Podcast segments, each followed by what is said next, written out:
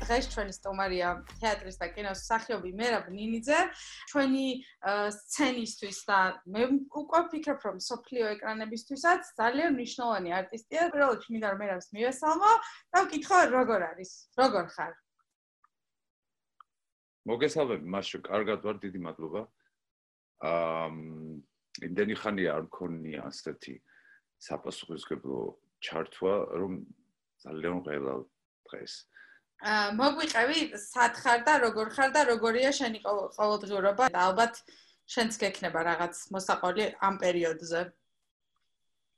ამ ეხა ვენაში ვარ, მუშაობდი ბერლინში, სადღაც მარტის ბოლოს შევწყვეტეთ გადაღება. აა გამომიშვი სახში და მოვხვდი უცებ ძალიან საინტერესო პერიოდში, როცა ყველაფრის დრო გაქვს, ძალიან ბევრი ფიქრის დრო გაქვს. ყველა რაღაც სასარგებლო პერიოდი არის. შენ თავში აღრმავებისთვის და როცა იმდენი დრო გაქვს, რომ ამას დანაწილება არ ჭირდება, მე მგონი რომ ჩემთვის და ჩემი ბუნების ადამიანისთვის, ჩემი ასაკის ადამიანისთვის ყველაზე კარგია არაფერი არ გააკეთო, არავის არ მოусმინო, არც ახალ ამბებს არ უსმინო.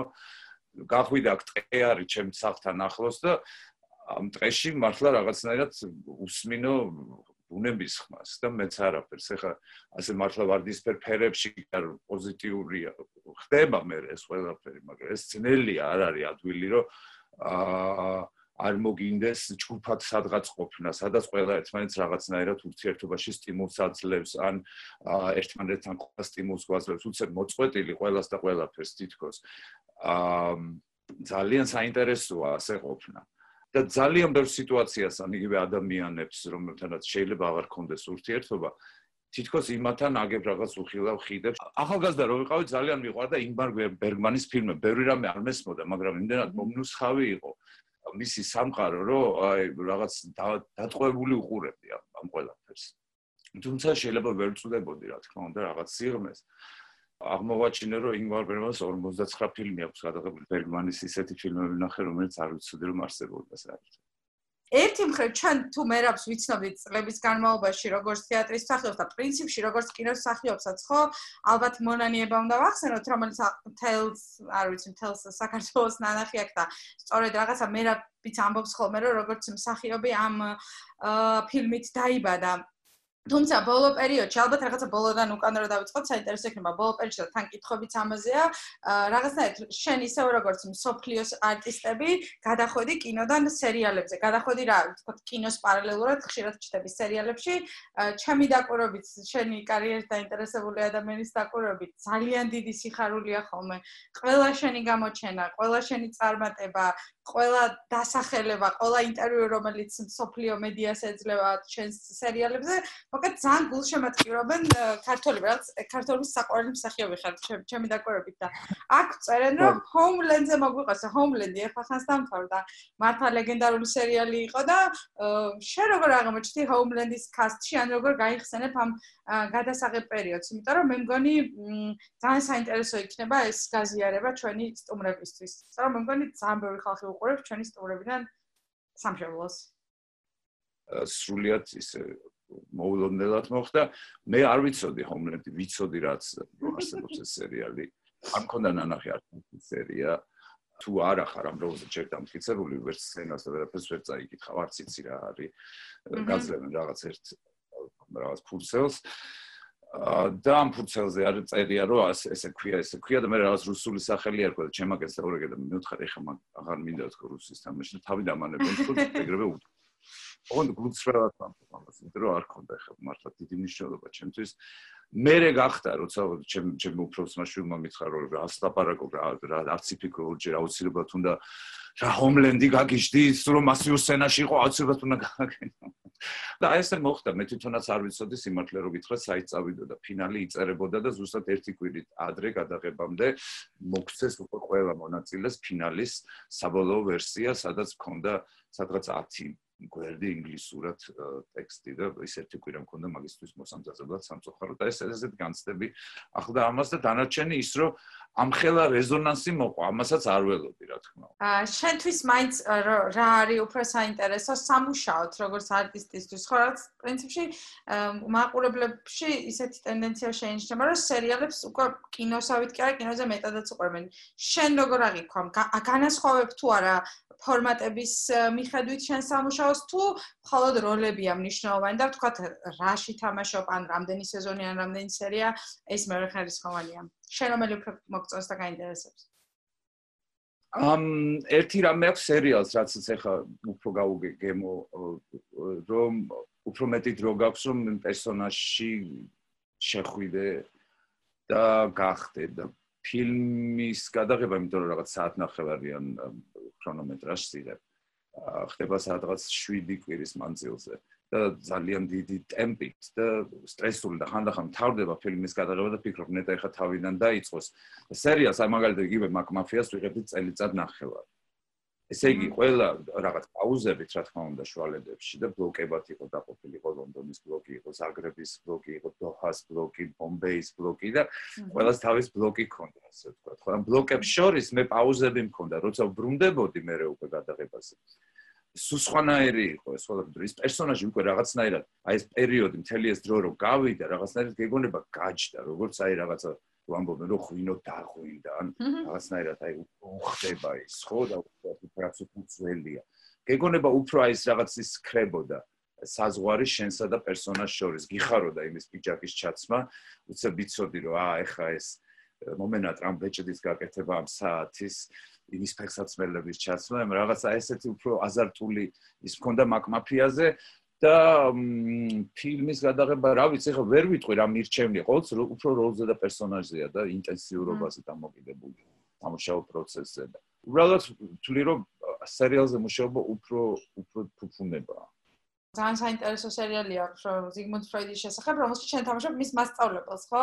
ამაზეც რა მოგვიყვა ეს არის გერმანულენოვანი სერიალი და ბოლო დროს ძალიან ბევრმა ქართველმა ნახა. არგენტინიდან, იტალიიდან, საქართველოსდან, ალბანეთიდან, იაპონიიდან წერს ადამიანი, რომელმაც უცებ გულში ნახა ეს სერიალი. მე რო უცებ გენანება ის რაღაცები, რაც იმ პერიოდში გადაღებული, როცა Netflix-ი არ არსებობდა და ამას არ ქონდა ასეთ საერთაშორისო, ასე ვთქვათ, აა გამოძახილი.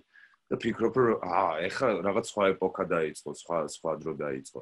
ფროიდი მე მგონი ჩემთვის განსაკუთრებული იყო, მოგზალებული როლი მოქვს საკმაოდ, მაგრამ ისტორიულ პერსონაჟს თამაშობ და მე პერსონაჟის გარდასახვა იყო ძალიან საინტერესო, რომ ეს რაღაც წვერი თითქოს გარეგნობა ფიანად შემიცვალეს. აა უფრო ასაკოვანი ადამიანის შესრულება მომიხდა ამ რეჟისორის უმეუნებოდა გადაღებას. ძალიან სპორტულად ნუდადი ხარ. არ დაგვავიწყო შენზე დიდია 15 წლით ეგ კაცი ძლებით კივა.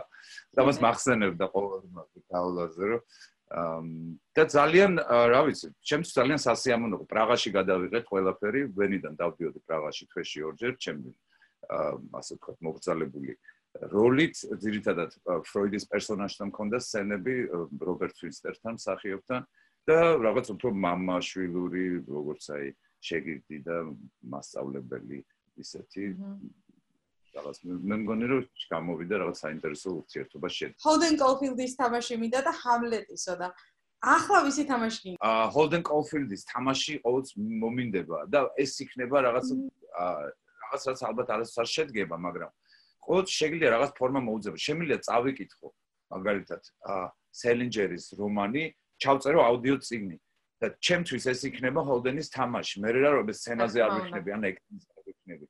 უბრალოდ იმას, რაც ჩემში მასთან რაღაცა გაიგივება იყო, როცა მე 20 წლის ვიყავი და ამ წიგნს ვკითხულობდი, აა როცა რაღაცნაირად მეგონა რომ მე ისვა, რომ ის თვისებები მეც მაქვს, რაღაცნაირად არ ვიცი ამ ყველას რაღაც სხვა სხვადასხვა რამე ეხმარება ამაში, მაგრამ ეს ეს წიგნი იყო შეიძლება მაგითო დამრჩა ოცნებად და მაინც მას ასაკი ჭირდება, ისეთი ასაკის უნდა იყო.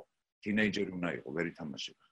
ამიტომ არის გამოსავალი მაგრამ იმის ეგოცნება ავიხდინო შემიძლია აუდიო აუდიო ციგნი ჩავწერო ან რაღაცნაირად რაღაც რაღაც გავაკეთო. ჰამლეტი არასოდეს არ ძველდება. შეიძლება 60 წელი თამაშო თამაშო მე მგონი. ეს ლიტერატურაც და პოეზიაც არის რაღაც სვისი სიტყვით თითქოს შენსაც ამბობ და რაღაცნაირად ეს ეს იბადება ურთიერთობა. აი ეს ძალიან მინდა რომ ეს გახდეს ჩემთვის რისთვისაც თავიდან შემიყვარდა ეს პროფესია, იქ დაუბრუნდები და იმას ზუსტად იმ პრინციპს, როცა ის იმ წუთას ხდება უშუალოდ იქ, სადაც ხდება ის არტ. და მინდა რომ აი ეს ამ არტს დაუბრუნო თავის თავის ფორმა.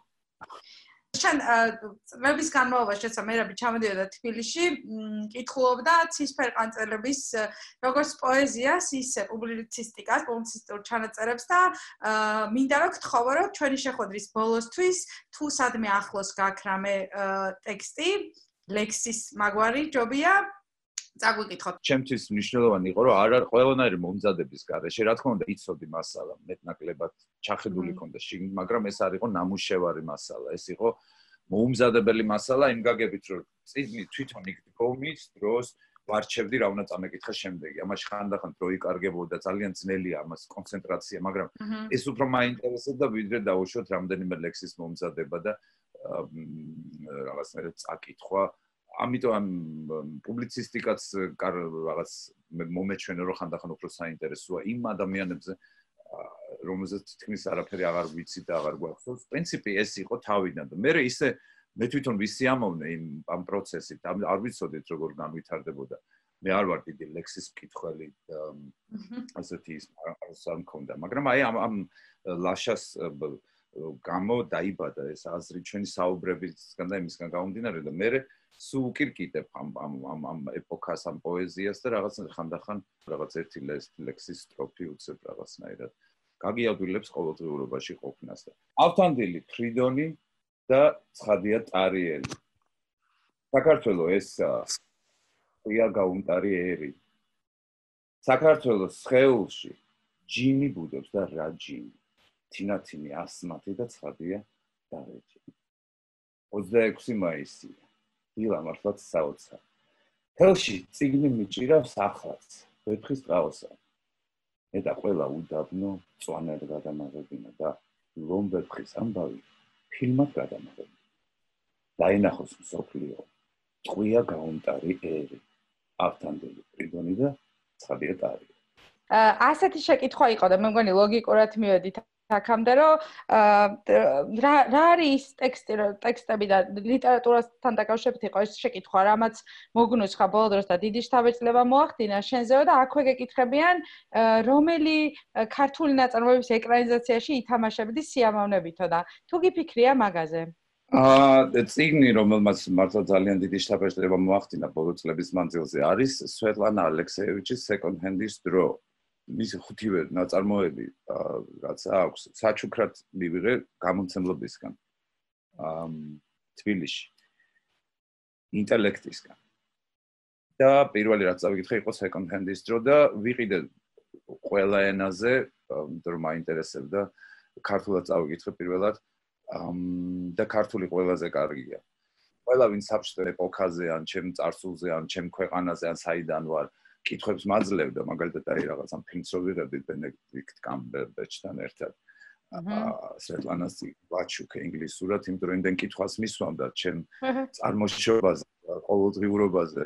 იმდენად უცხო იყო იმისთვის ყველაფერი რაც იქით არის საბჭოთა კავშირისკენ და იმ ეპოქასთან არის კავშირში და ის რომ მე ამდენი სისტემა მინახია ამდენი პოლიტიკური სისტემაში მიცხოვრია ასე ვთქვა ეს აოცებდა და როგორ უღებ ამ ყველაფერს აღოს და მას მეკითხებოდა და მე ვიფიქრე რომ ყველაზე კარგად სვეტლანას ციგნი გასცემდა ამას. პასუხი ასე რომ ამ რამდენიმე ასლი ამ ამ ამ ნაწარმოების იქ დავტოვე სადაც საჭიროა. ეხლა ამას წინათ ნესტან კვინიკაძის აა ბოლო რომანი 18-24 და და მასაც წერდი პირად ჩეთში რომ მართლა ძალიან დიდი შტაბეჭდილება და მოულოდნელი იყო და უბრუნდებოდი ვიწებდი მე მე იმ თავში მე უკან გადავდიოდი რაღაცნაირად აი ამ დიდი შტაბეჭდილება მოახდა. ბევრი კითხვა არის ძალიან ჩემი ცოლის დაქალებზე სერიალზე რომელშიც ჩვენ თამაშობდი ძალიან ისეთ გულჩათხრებულ და საინტერესო შესანიშნავ კაცს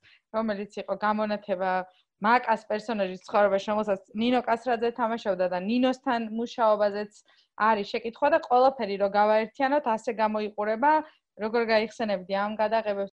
მე ვარ ჩემი ცოლის დაკალების დიდი ფენი. აჰა. აა და ეს დაიწყო, იმიტომ რომ ჯერ ჩემი მეგობრები თამაშობდნენ და მათ მათ გამოდავიწყე ყურება. მე რე უკვე დაიწყე ისე ყურება, როგორც რეგულარულ, ასე ვთქვათ, შეულებრივმა ფენმა, ჩემი საყვარელი რაღაც ხაზი მქონდა, ძალიან მომწონდა როგორ როგორ წერენ, ძალიან ყოველდღიურობას მე მგონი უფრო კარგად ასახავდა ვიდრე რამე ნიუზი ქართული ტელევიზიის და ჩემი ცოლის დაკალებით ჩემთვის ემიგრაციაში იყო ინფორმაციის და ხალისის წყარო უფრო ახლოს ვიყავი შენ შენ შენ ქალაქთან, შენ ხალხთან, იმ ყოველდღიურობასთან. გამეხარდა, რომ იფიქრეს, რომ მე შეიძლება ვიყო ამ სერიალში. და კეთი დევდარიანი ძალიან ნიჭიერია და ძალიან დიდი თაყვანისმცემელი ვარ მისი ნიჭის როგორ წერს და მე რომ მითხრეს რომ ეს ნინოსთან იქნება უშუალოდ მიუხედავად იმისა რომ ერთიათში მუშაობდი ნინო ჩემზე უმცროსია გაცილებით და ამიტომ ჩვენ ავწდით ერთმანეთს. მე უკვე ემიგრაციაში ვიყავი როცა დაიწყო აქტიურად რუსთაველის თეატრში მუშაობა. ნინომ რო ნინო როცა გამოჩნდა ჩემი ცოლის დაქალებში მე უკვე ასე რო იტყვიან შევჯექი ჩემი ცოლის დაქალებში შენ ქონდა ერთი ძალიან საინტერესო როლი, ალბათ ისევე როგორც ყოველ სხვა დანარჩენი, თუმცა ჩემთვისაც ძალიან შთამბეჭდავი იყო. ნანა ექტივიშვილის და სიმონ გროსის ფილმში ჩემი ბედნიერი ოჯახი. სადაც ჩვენ თამაშობდი არც თუ ისე კარგ ხმარს, თუმცა ძალიან დასამახსოვრებელი სახე შექმნილი ცუდი პერსონაჟის. არ ვიცი, ჩემი გაგებით ის ცუდია, შეიძლება რეალურად ეს ისე არ იყოს და ჩვენი ერთ-ერთი სტუმარი გვეკითხება, შენთვის როგორია ამ ფილმის ფინალიო? უშუალოდ ალბათ შენ როგორც მაყურებელი როგორ უყურებ მას, იმიტომ რომ ესეთი დრამატული ისტორია საკმაოდ შევდიანი. ამ ეგ ფილმი ცალკე ცალკე მდგომი არის ჩემთვისაც. აა ამ ბევრი შემიძლია ვილაპარაკო.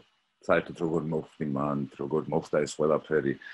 აა რამდენი რამე მართლა განაპირობებდა იმას, რომ შეიძლება და არ გამოსულიყო ჩვენი ერთად მუშაობა და ნანამ და სიმონმა ყველაფერი გააკეთეს, გადაღება გადმოწიეს კიდეც აქეთ, რაც არასდროს არ ხდება, რომ ადრე დაიწყეს იმაზე, ვიდრე უნდა დაეწყოთ, რომ რაღაცნაირად მოგვესწრო ეს.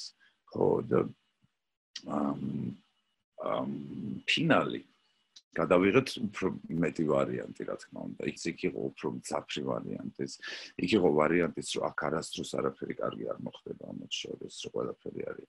გადავიღეთ კიდე ვარიანტი, რომელიც ტოვებს ძალიან ბევრ თავისუფალ სფეროს, როცა შეგიძლია შენ თვითონ იფიქრო. გუცრად როგორც მაყურებს ბერლინში ვნახე თავიდან ბოლომდე ფილმი. აა და ასეთი ფინალიც რომ ესე უცებ მოჭრეს. ცოტა შოკის მომგვრელი იყო ჩემთვისაც. მაგრამ ზუსტად ამ ფინალმა მე არ მომასვენა ძალიან დიდი ხანი. უბრალოდ ვამბობ, რომ ის შემდგარი უფრო ვიდრე ცუდი. აჰა. პერსონაჟი. ეს რაღაცნაირად არ აღმაფრთოვანებელი პერსონაჟი აქციე რაღაც წილ უფრო მნიშვნელოვნად ვიდრე ის არის.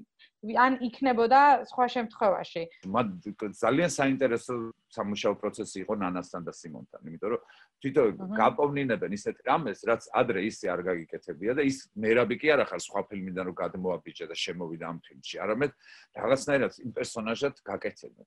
მარტო მსახიობი მას ვერაზრს ვერ გააკეთებ, მარტო. ამიტომ აი ეს ეს ეს ეს ჯადოქარი რეჟისორები ყოველთვის გჭირდება, რომ შენ შენ დაიბადო, გაჩნდე და გაცოცხლდე.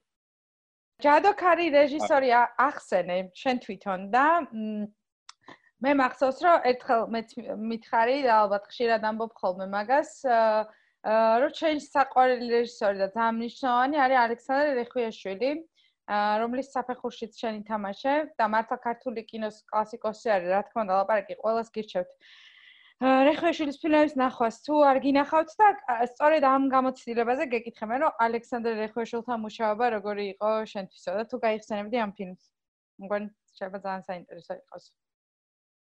ხო მithქვამს არაერთხელ არა მარტო ინტერვიუებში არამედ ჩემ პირადად ასე მეგობრებთანაც და ჩემ კოლეგებს და ყველას ვეუბნები. ალექსანდრე რეხვეშვილი გავიცანი რომ ვიყავ რომ როცა მე ვიყავი 18 წლის ამ მაშინ მონანიებაში უკვე აა ვიყავი გადაღებული. ფილმი დამთავრებული იყო, უბრალოდ არ იყო გამოსული და არავინ არ იცოდა რა ბედიელის ამ ფილმს, მაგრამ როგორც არის ამ კინოსამყაროში რაღაცა ვიღაცა მოთხრა რა ის ის სინჯე ის ახალი ბიჭი არის თეატრალურიდან ის სინჯე ის სინჯე ასე რაღაცით იმ სინჯეს დამიძახეს და იქ იყო საერთოდ ვინმე არტისტი თუ არსებობდა ჩემზე დიდი და პატარა ყველა ყველა ჰქონდა კასტინგი ამ ალექსის როლზე. და მაშინაც ვიფიქრე რომ აი როგორც მაშინ მონანიებაზე ვიფიქრე მეთქი აქ შანსი არ არის. და თურმე არა ეხა. რიგ ბევრი მსახიობი იყო, სხვა ვინც ამას ჩაუარა უბრალოდ. და საშას შინაგან სამყაროს არ შეხები, იმიტომ რომ მე ვიყავი 19 წლის და მართლა ვიწოვდი ყველაფერს, როგორც ხრუბელი და სწავლის ჟინი მქონდა და აი ყველაფერი მაინტერესებდა და ის რო კითხულობდა წიგს მეც მინდოდა იმის საკითხვა. აი რაღაცა ესე ესე მოწყობილი ვიყავი, სულ ერთი არის ჩემთვის რაღაცეები. ხო და ამიტომ რაღაცნაირად უნებლიეთ მივეცი ეს რაღაც მენტორის ის რომელიც თეატრალურ ინსტიტუტში გიზო მყავდა ჟორდანია რომელიც ჩემი მენტორი იყო და დამრიგებელი და ყოველდღიურობაში წვრთნიდა ასე თქვა და თავისუფლებას მაძლევდა ეს იყო ჩემი წვრთნელი. და საშა იყო რაღაცნაირად კიდევ წვრთნელი ოღონდ სხვა სამყაროდან მოდიოდა უკვე კინოდან და არა მარტო კინოდან არამედ თავისი საავტორო კინოდან რომელიც ძალიან განსაკუთრებულია. რომელიც ნახსოვ შატალოზე მქონდა ნანახი მე-19 საუკუნის ქართული ქრონიკა. უბრალოდ გამოსახულება მომაჯადოა მეთმა არაფერი შეიძლება ვერც მივხვდი ვინ სად მიდის და რა უნდა რატო იბერ გაიყას გაიყოს ეს ტყე. მაგრამ გამოსახულება იმდენად მომაჯადო რომ კიდე მინდოდა ნახვა კიდე მინდოდა ასეთივე რაღაც აი ამ სამყაროსთან შეხება და ალბათ ამაზე მეტი გამართლება რა უნდა იყოს. რომ შემდეგ ფილმში მე მთავარ როლი ვთამაშე საშათან და და ასეთი დიდი მეგობარი შევიძინე რომელსაც ასეთი ბიძგი მომცა საქმეში და ასე შემაყვარა კინო მართლა მე მგონი არ გამოვა ისე ვისაუბროთ რომ არ არ ვახსენოთ მონანიება. 1982 წელს ზარი შენთან ამ როლის შემოთავაზება და თენგიზა ბულაძესთან გასაუბრება. თუ გიფიქრია საერთოდ როგორ იქნება და შენი ცხოვრება როგორც მსახიობის ცხოვრება უმეტეს ძალიან დრამატული პრეისტორია ქონდა ამ როლს ხო? გეგა ყობახიძე თამაშობდა სანამ ეს ცნობილი ტრაგედია მოხდებოდა და მე შენ გეგა შეცვალე რეალურად ამ ფილმში თუ გიფიქრია რომ არა ეს როლი საერთოდ როგორი მსახიობი იქნებოდი? ძნელი წარმოსადგენია როგორ იქნებოდა ჩემი ცხოვრება მონანიების გარეშე. ვერ ვიტყვი შეიძლება ნაკლებად საინტერესო ყოფილიყო შემოქმედებითად იმიტომ რომ ის ბიძგი დღესაც მომყვება ბიძგის მიცემა ახალგაზრდა არტისტისთვის ისეთ სიტუაციაში სადაც არ იყო მართლა მაშინ იმ ეპოქაში არ იღებდნენ ამ სერიალს და არ იყო ეს ათვილი კინოში ისუათობა იყო თან ასეთი პატარა ასაკით ასე პატარა გამოუცდელი. მე ნანა ჯანელიძე შევხვდი ამასინა ბერლინში ძალიან სასწაულს აღამო გავატარეთ ერთად და რაღაცები გაიხსენა და მონანიებას ახლა 30 წელი უშუალოდ რაღაც მას კორექტურას უკეთებ ფერსო და ახლა ვზივარ ამ კორექტურაში და არ შემეძლო არ მომეწერა მე მომწერა რამდენიმე წელს შემდეგ რომ ეს წარმომიდგენელი ვინმე სხვა სულ ერთ თამაშია ეს როგორი უცებო აი როგორი ყველაფერი ამ დროის მერეო ეს ყველაფერი ყველაფერს წარმოუდგენელიაო და ხრა თქმა უნდა წარმოუდგენელი არაფერი არ არის ძალიან მესიამოვნა იმიტომ რომ მაგ ფილმმა დააფიქსირა რაღაცა ჩემში პიროვნებაში უფრო მეტად მე მაგზევ სახიობი არ ვიყავ ასე ვთქვათ პროფესია. მე ვიყავი ადამიანი ვისაც უნდა ამის გაკეთება. ხო და ასე რომ ვერ წარმომიდგენია ხა მერაბი ხანდახან ხუმრობ ხოლმე რომ და მერაბი მინძე ცალკე ადამიანია მე კიდე ცალკე ადამიანი ვრის სახიობ მერაბი მინძე კიდე სხვა ვიღაცა. ის არის არსებობდა მონანიები. რას ურჩევდი მსახიობებს, დამწყებ მსახიობებს განსაკუთრებით და რამდენიმე შეკითხვა იყო თავდაჯერებასთან დაკავშირებით, იმიტომ რომ შენ არ მახსოვს ჩემთან ინტერვიუში, რომელიღაც ინტერვიუში ნამდვილად მაგ დაკითხული, რომ გამბედაობა და სითამამე და შინაგანი თავისუფლება არის ის, რაც ყველა არტისტს სჭირდება იმის, რომ მსახიობა შედგეს და ვთქვათ, ამას როგორ უნდა ვძლიოთო, ამაზეა დაახლოებით ეს შეკითხვა და გონი ძალიან საინტერესო იქნება. ეს რეცეპტები ალბათ არ არსებობს, ძალიან ინდივიდუალურია ყველა თავის პროფესიონალიზმში, მაგრამ შენმა გამოცდილებამ ვთქვათ, რა გასწავლა გარდა იმისა, რომ რაღაც ტექნიკას უნდა ფლობდე და განათლება უნდა მიიღო, ვთქვათ, კიდე რა არის ძალიან მნიშვნელოვანი. შევა არის ერთადერთი არის, რომ ეს საქმე შეიძლება გამოიყენო მრავალნაირად. ეს საქმე შეიძლება გინდოდეს მრავალი მიზნის გამო. მე იმ თაობაში დავიბადე ისეთ ქვეყანაში, სადაც არავინ არ ფიქრობდა იმაზე, რომ იყო გლამურული ფიგურა. ყველა ფიქრობდა იმაზე, რომ გააკეთო რაღაც კარგი, რომ შემოქმედებითად ხარისხიანი რაღაც გააკეთო. იმიტომ რომ ეს იმდენად წარმავალია იქ ხარ მე სხვა მოდის შენ მაგერაც ეს ყველაფერი მიდის ეს სუმუდმივ მოძრაობაშია. თავარი არის მე მგონი რომ არ დაეჭვდე არ უღალატო ამას არ ფიქრო იმაზე რომ ეხა ეს თუ არ გამომივა რა გავაკეთო მე როგორც იმას ფიქრობ რა გავაკეთო ეს თუ არ გამომივა ვის არ გამოგივა. აქ უნდა იყოს რკინის გამძლეობა უნდა ქონდეს იმიტომ რომ ვიღაცას მოწოხარ ვიღაცას არ მოწოხარ ვიღაცას თulis რომ არ ხარ კარგი ვიღაცას თulis რომ უნიჭო ხარ ვიღაცას თulis რომ ნუ კი არა გიშავს გარეგნობით მაგრამ შინაარსი არა გაქვი აი რაღაცას იწყვიან შენზე ამას თუ ყველაფერს უსმენ. ყველაფერი უფრო გამოხრუჭებს. ასე რომ მე ამ პროფესიას ეს ზერელეთ არც არ უყურებდი და რაც უფრო მეტი დრო დაუთმე ამ პროფესიას, უფრო და უფრო მივხვდი იმას, რომ რასაც მეც მისცემ შენ, ის მეც მოგცემს რაღაც ეტაპზე.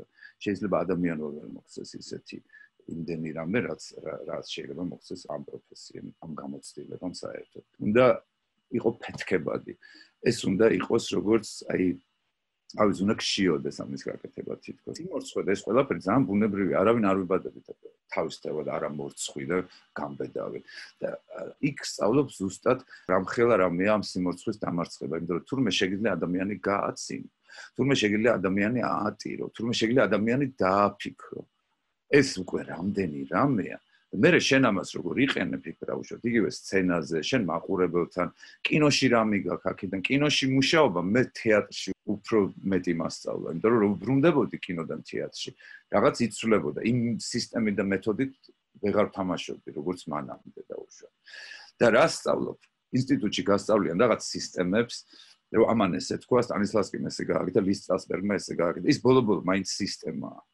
ყველაზე საინტერესო სისტემა არის შენი სისტემა რომელიც ყალიბდება მხოლოდ გამოცდილებით, მხოლოდ მუშაობით, ყოველდღიური მუშაობით შენ თავზე. რომ ბოლო-ბოლო როლს რო თამაშობ ადამიანს ანსახიერებ და არა უბრალოდ როლს თამაშობ. ამიტომ ეს სიტყვის ასევე ადამიანის შეცნობას, ცოტა ფსიქოლოგიას, ცოტა ისეთი რაღაცების პოვნას, დანახვას, რასაც თითქოს სხვა თვალი ყურადღებას არ აქცევს. და მე რო აცოცხლებ პერსონაჟს, ამას კი არ იცული, მაგრამ ეს ყველაფერი ხო შენთან არის, შენ რაღაც განცდილი გაქვს. ესე იგი ადამიანს როგორც აკვირდები ცხოვრებაში, ისე ანსახიერებ იმას მე შედარებ. ეს რო ადვილი იყოს ამის გადაცემა, მაშინ ძალიან ადვილი იქნებოდა ყველაფერი.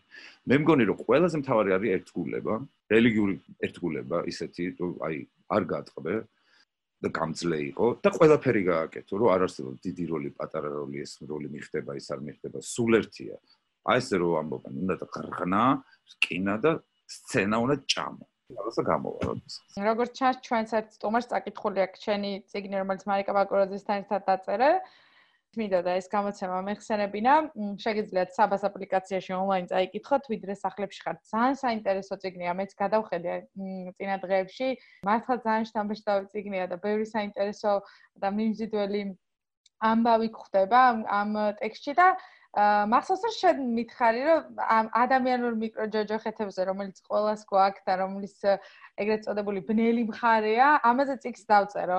ეს წიგნი ალბათ ამაზე არ არის ეს უფრო შენი გამოცდილებებია და წერ მაგ წიგნს აპირებ ისევ რომ კიდე დაწერო ერთი წიგნი და ეს შენს ბნელ მხარეებზე იყოს იცი რა, ჩემი ბნელი მხარეები ყოველთვის ჩანს. მე არ ვცდილობ, რომ ჩემი ბნელი მხარეები, ჩემი რაღაცა ნათელი მხარეები დავყარო. მე მგონი ჩვენ ყველა ვარსებობთ ბნელის და ნათელის მუდმივ ცვალებადობაში. ამიტომ მან მე მგონი ბნელ მხარესთან შეხება თუ არა გაქვს, არაფერსთან შეხება არა გაქვს, მას შენ თავს საერთოდ არ იცნობ. და ის ბნელი მხარე ზოგადად ბნელი ქვია, თორე ისეთ საშიში ის კი არ არის მართლა ესე. უბრალოდ ინდა ხანდახან ცხოვრებას გაუგო და არ არის და ესე ადვილი. ხო, აი ეს არის მეტი არაფერი. ციგნი რაც შეეხება მარიკას და ჩემ შემოქმედებას ეს იყო აა უფრო დავაბრალებ მარიკას იმას მან გაწია უზარმაზარი შრომა მე უბრალოდ ბიჯექი და რაღაცებს ხვებოდი დავტანჯე მე მგონი იმიტომ რომ მე ამას ყველაფერს მე უმონტაჟებდი. ნახევარი ციგნი გადაუგდე და მეუბნება ეს აღარ ამომიღო რაღა დარჩა ამასაც იღებ მაინც შენ თავზე ლაპარაკო მაგრამ თავს უგინდა რომ სხვებზეც ილაპარაკო ხო. მე გადაწყვეტილება ჩემთვის თავარი იყო რომ მე რაც მაგალითად ამ რაღაც ეტაპზე გინდა მადლობა უთხრა იმ ხალხს ვინც აქამდე მოგიყვანა სადაც ხარ. მე ყოველ შემთხვევაში მინდა ხოლმე ეს. და ეს წიგნის პროექტი იყო ჩემთვის ის რომ გიზოდან დაწყებული ჩემ მეგობრები ყველა ჩემ კოლეგას ვინც ვახსენე ჩემ ის ხალხი ვისთანაც უკვე აღარ ცხოვრობს საქართველოში, ვისთანაც ამ ხელა რაღაც მაკავშირებს. და მაკავშირებდა. რომ იმათ მიუძღვნა ეს, რომ ჩემ ბებიას და ბაბუას წინაპრებს, ვიღაცებს, ვინც ვისთანაც აღარ ხვდები ყოველდღე. რაღაცნაირად აგვაცილა ცხოვრება. რაღაც ჩემს უფრო სენტიმენტალური ესეთი იმიგრანტული ეს იყო. მარიკამ გაწია ძირითადი შრომა. მე თუ დავწერ რაღაც ბნელ რაღაც შინაგან ჯოჯოხეთებზე, მაშინ მეც თვითონა ავიყო კალამი და მეც თვითონა გავაკეთო ყველაფერი. თუ შეგიძლია რომ რამე მოგვიყვა, რა გეგმები გაქვს და ვთქვათ, ეხლა ხარ რაზე ფიქრობ ან რაზე მუშაობ, ძალიან საინტერესო იქნება. ეხლა მუშაობ ამ გერმანულ სერიალზე, ექსერიან, ასე ვთქვათ, პირველ სეზონზე, რომელსაც ქვია ბალუზი. ბალუზი არის გვარი, წარმოშობით ლიბანელი ექიმის, რომელიც გერმანულ კლინიკაში მუშაობს, ომის გამო ემიგრაციაში წავიდა გერმანიაში, ცოტა ჩემ რაღაც წარსულს და პეცაც ემთხვევა. მოკლედ მე ვთამაშობ ამ ექიმს, ცოტა ექსცენტრიულს, მაგრამ კაც რომელსაც არ აქვს თავისი იმიტომ დაქრივდა ძალიან დიდი განცდა აქ ამ დანაკარგის ამის გამო მაქსიმალურად აძლევს თავის თავს პაციენტებს და იმათვის არის ყოველთვის იქ. არც ერთ მის კოლეგას ეს მისი თავდადება არ ესმის და ბოლომდე უკირკიტებს ყველას რაღაცა სასწაულსაც აკეთებს. ნუ მაინც ახლა ეს ტელე და კინო იმისთვის არის დაწერილი და შეიძლება რეალობას ცოტა აცდენილია, მაგრამ არც აპარს არ ვიღებ. დიდი ხანი არ მითამაშე მართლა დადებითი ადამიანი და იმდენად შემიყვარდა ეს როლი რა, იცის როლი ხანდახან, რომ შეგიყვარდება ეს პერსონაჟი, აი მოგწონს რაც გაცრია, მოგწონს როგორ ლაპარაკობს, შენ არ ახარ ის. სხვა არის და ის მოგწონს რა, როგორი ტიპიც არის. და რომ მომდიოდი ბერლინიდან, ცრემლები მომდიოდა, მართლა ემოციურად ძალიან იმოქმედა მან, რომ ეს ეს გადაღება გაგვიჩენეს. ასე რომ ეხლა ძალიან ველოდები ამ ყველაფრის გაგრძელებას, იმიტომ რომ რაღაც უდრო დროს გაგწყვით ეს ასე ვთქვა. მართლა რომ ძალიან შთაგონებული ვიყავი და აი გაფრენაში რო ხარ, უცებ რომ დაგანარცხებენ იმას რა ქვია. აი ეს არის ამ წუთას რაზეც მუშაობ და დანარჩენი გეგმები პრემიერა მაქვს აა ფილმის იმედია რომ იქნება 28 აგვისტოს უნდა იყოს სოფლიო პრემიერა ფილმის სახელად აირონ ბარკი. ნუ ნახავთ ყველაფერს, ეგ დროც მოვა ალბათ და როგორც იქნება. პრემიერას. იმედია რომ 28 აგვისტოს მართლა იქნება და ვნახოთ. Sundance-ის ფესტივალზე ქონდა ჩვენება და იყიდა Lionsgate-მა, ასეთმა დისტრიბუტორმა. კარგად გავიყიდეთ Sundance-ში, რაც ძალიან კარგია და პრესტიჟული, ასე რომ იტყვიან. შეს ვნახავთ, არ ვიცი და ძალიან კარგი პრესა მქონდა მე რაც შემეხება ისეთი არ ვიცი მაყურებელი, მაინც ძალიან კეთილი იყო იქ და ძალიან თბილად მიიღეს და აა დანარჩენს ნახავთ. ძალიან კარგი. საქართველოს თუ ფიგურირებს რამე ფორმით ჩენს გეგმებში? ფიგურირებს, მაგრამ ამ წუთას თითქოს არაფერი პაკეტ. აჰა. ეს თვილი იქნება რამე რო თქვა რომ ეს. იცი რა, ერთ-ერთი მე მინდა ხანდახან ჩემი ასე პირადი ინიციატივით ახლა რო გითხარი რომ ანდახან ავიღებ და ვეფხის ყავოსანი ესეთი მასალა რომ ამას უბრალოდ ვერ გადაშლი და ასე ექსპრომტად ვერ წაიკითხო იმიტომ რომ ენა მოგწყდება უბრალოდ. ცოტა თუ არ გათელი. ამიტომ რაღაცებს ვამზადებ მაგალითად გუში მუშაობდი ვასოფელო რაში განხარ რას ვაბრუნებ რას მეკჭირსა ყოვლის შენი მომდობილი ნიადაგმცა ჩემებრტირსა საწაიყონ სადაურსა სადა ხრის სადაც ძირსა. მაგრამ ერთი არ გასწიროს კაცსა შენგან განაწირსა. აქ გინდა რომ ყველა ასო თქვა რუსთაველს თუ ასოები გამოუტოვე და შენებურად თქვი არ გამოვა. არ გამოვა. და ძალიან ძნელია. ამიტომ ამაზე თითქოს ეს არის ჩემი მედიტაცია. თითქოს აი რაღაცნაირად რაღაც შავიღრუბელი თუ ჩამოწება რაღაც თუთას თუმცა ჩამოწვეს მაინც ხო აი რაღაც ვარდიჭნებოდა ყრებოდა ალვისა შტო იხეოდა ბრული და ლალი გაცლილი ლაჟვარდად გადიქცეოდა გამაგრებოდა სიკვდილს ამისთვის არ უმხნეოდა იტყვის თუ ბნელი რას მიკვის რა თქმა დამაგდებს ხელდა ეს არის უბიუჯეტო სპექტაკლი უბიუჯეტო თეატრი უბიუჯეტო პროექტი. ხო და მე მგონი ყველა რომ აქეთ წავიდეთ უფრო ბევრ კარგ რამეს გავაკეთებ რახან ლირიული დროება არის ერთი ესეთი ლირიული შეკითხვით მინდა რა დავასრულოთ.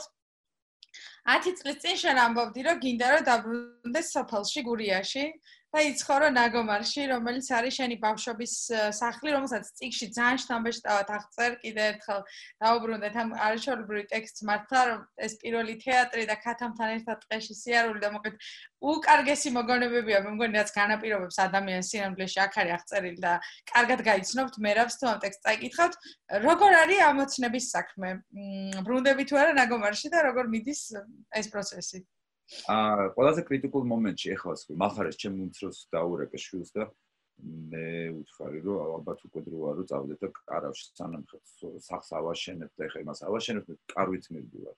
რომ აქ აღარ მინდა ხო პირბადეებით სიარული საბჭოთა კავშირს გადაურჩი და ჩექმის ქვეშ ვიცხოვრე იმას გამოუძვერი ტოტალიტარიზმს გადაურჩი რაღაც დასავლეთში შევედი ბოლო 20 წელი და ამ დასავლეთში დამეწია ტოტალიტარიზმი რომ მეუბნებიან რომ თუ პირბადეს არ გაიკეთებ და თუ გაცემინებს არ შემოხვიდე. ეს სად მოხდი რომ შვილო აქედან უნდა წავიდეთ არ შეიძლება ეს სისტემა ყველა სისტემა უნდა დაინგრეს. ესეც. და ეს უცებ ნაგომარი წამოვიდა როგორც აი ეს დაკარგული 64 ისევ ამ რაღაც მართლა ამ ყოველდღიურობაში და იმაში უცებ რომ აი იქ ეხა პოეზია რასაც ყვები მაგრამ ძალიან ძნელია ასე სოფლიოს ულტრა გარშემო და ბერლინში იყო 6 თვე და ის ოცნება ეგრე ესე იოლად აასრულა რომ იქ იქ სახლი სახლი ააშენო ფაქტიურად არაფერი არ არის და ეგ არის ყველაზე ისეთი რომ სახლი უნდა იყოს და გზა უნდა იყოს რომ ასლა მოახერხო. ის ყველაფერი იქ არის უბრალოდ მელოდება და მეც შინაგანად ველოდები ვილის არ დაკარგულა პატარა აივანი მაქვს აქ სახლში და რაღაც ის არის ჩემი ასე ვთქვათ მიკრონაგომარი იმიტომ რომ ყოველთვის რაღაც სცენარებს ველოლიავები და ული და ელაპარაკებით. მე მგონი ნაგომრიელ ბავშვებს ისე არ არ უყვართ იქაურობა როგორც მე, იმიტომ მე ვიყავი თბილისელი ბავშვი, რომელიც ჩადიოდა და იქ ხედავდა ნამდვილ სამყაროს. და არ უყვარდა თბილისში უკან დაბრუნება და სკოლის ფორმის ჩაცმა და რაღაც ეს შაბათობები. და ის ის სამყარო ამიტომ ამიტომ გამომყვა მე მე ასე და სულ ფიქრობ რომ თბილისი კი არ არის ჩემი დაბადების ადგილი და სამშობლო, არამედ არის ის. ნაგომარი. ესეც არის ალბათ. ხო, არის. მერაბ, ძალიან დიდი მადლობა. ძალიან სასიამოვნოა შენთან გასაუბრება. ეხლა მე ვფიქრობ, ტარიელ ჭანტურიას ერთი ლექსი თქვარ დავასრულო. ძალიან დიდი სიამოვნებით. შეჩეული ვარ შექებას, შეჩეული ვარ ძაგებას. შეჩეული ვარ მოგებას, შეჩეული ვარ წაგებას. შეჩეული ვარ დანგრევას, შეჩეული ვარ აგებას. გაჩენილი ვარ ტანჯისთვის სამტროდ საცემრად საკეთად. მიჩეული ვარ ზაგებას მიჩეული ვარ შექებას მიჩეული ვარ ლოყაზე ძვირ ფასი ხელის შეხებას შაშვი რომ გალობს ცისკრისას გალობა მეც შემეხება. ზე რომ ამოდის მგონია მე შემხდა მე შემეგება წერ სიხარულებს წერ ტანჯვას წერ საღამოხანს წერ დილით ცხოვრების წინ მიმთავრდება. აკლია მხოლოდ წერტილი. მე მგონი შესანიშნავი წერტილი იყო ჩვენი. ძალიან მიყვა, დიდი მადლობა ამდენ დრო რომ დამიცმეთ. დიდი მადლობა ყველას. მადლობა ყურადღებისთვის. დიდი მადლობა.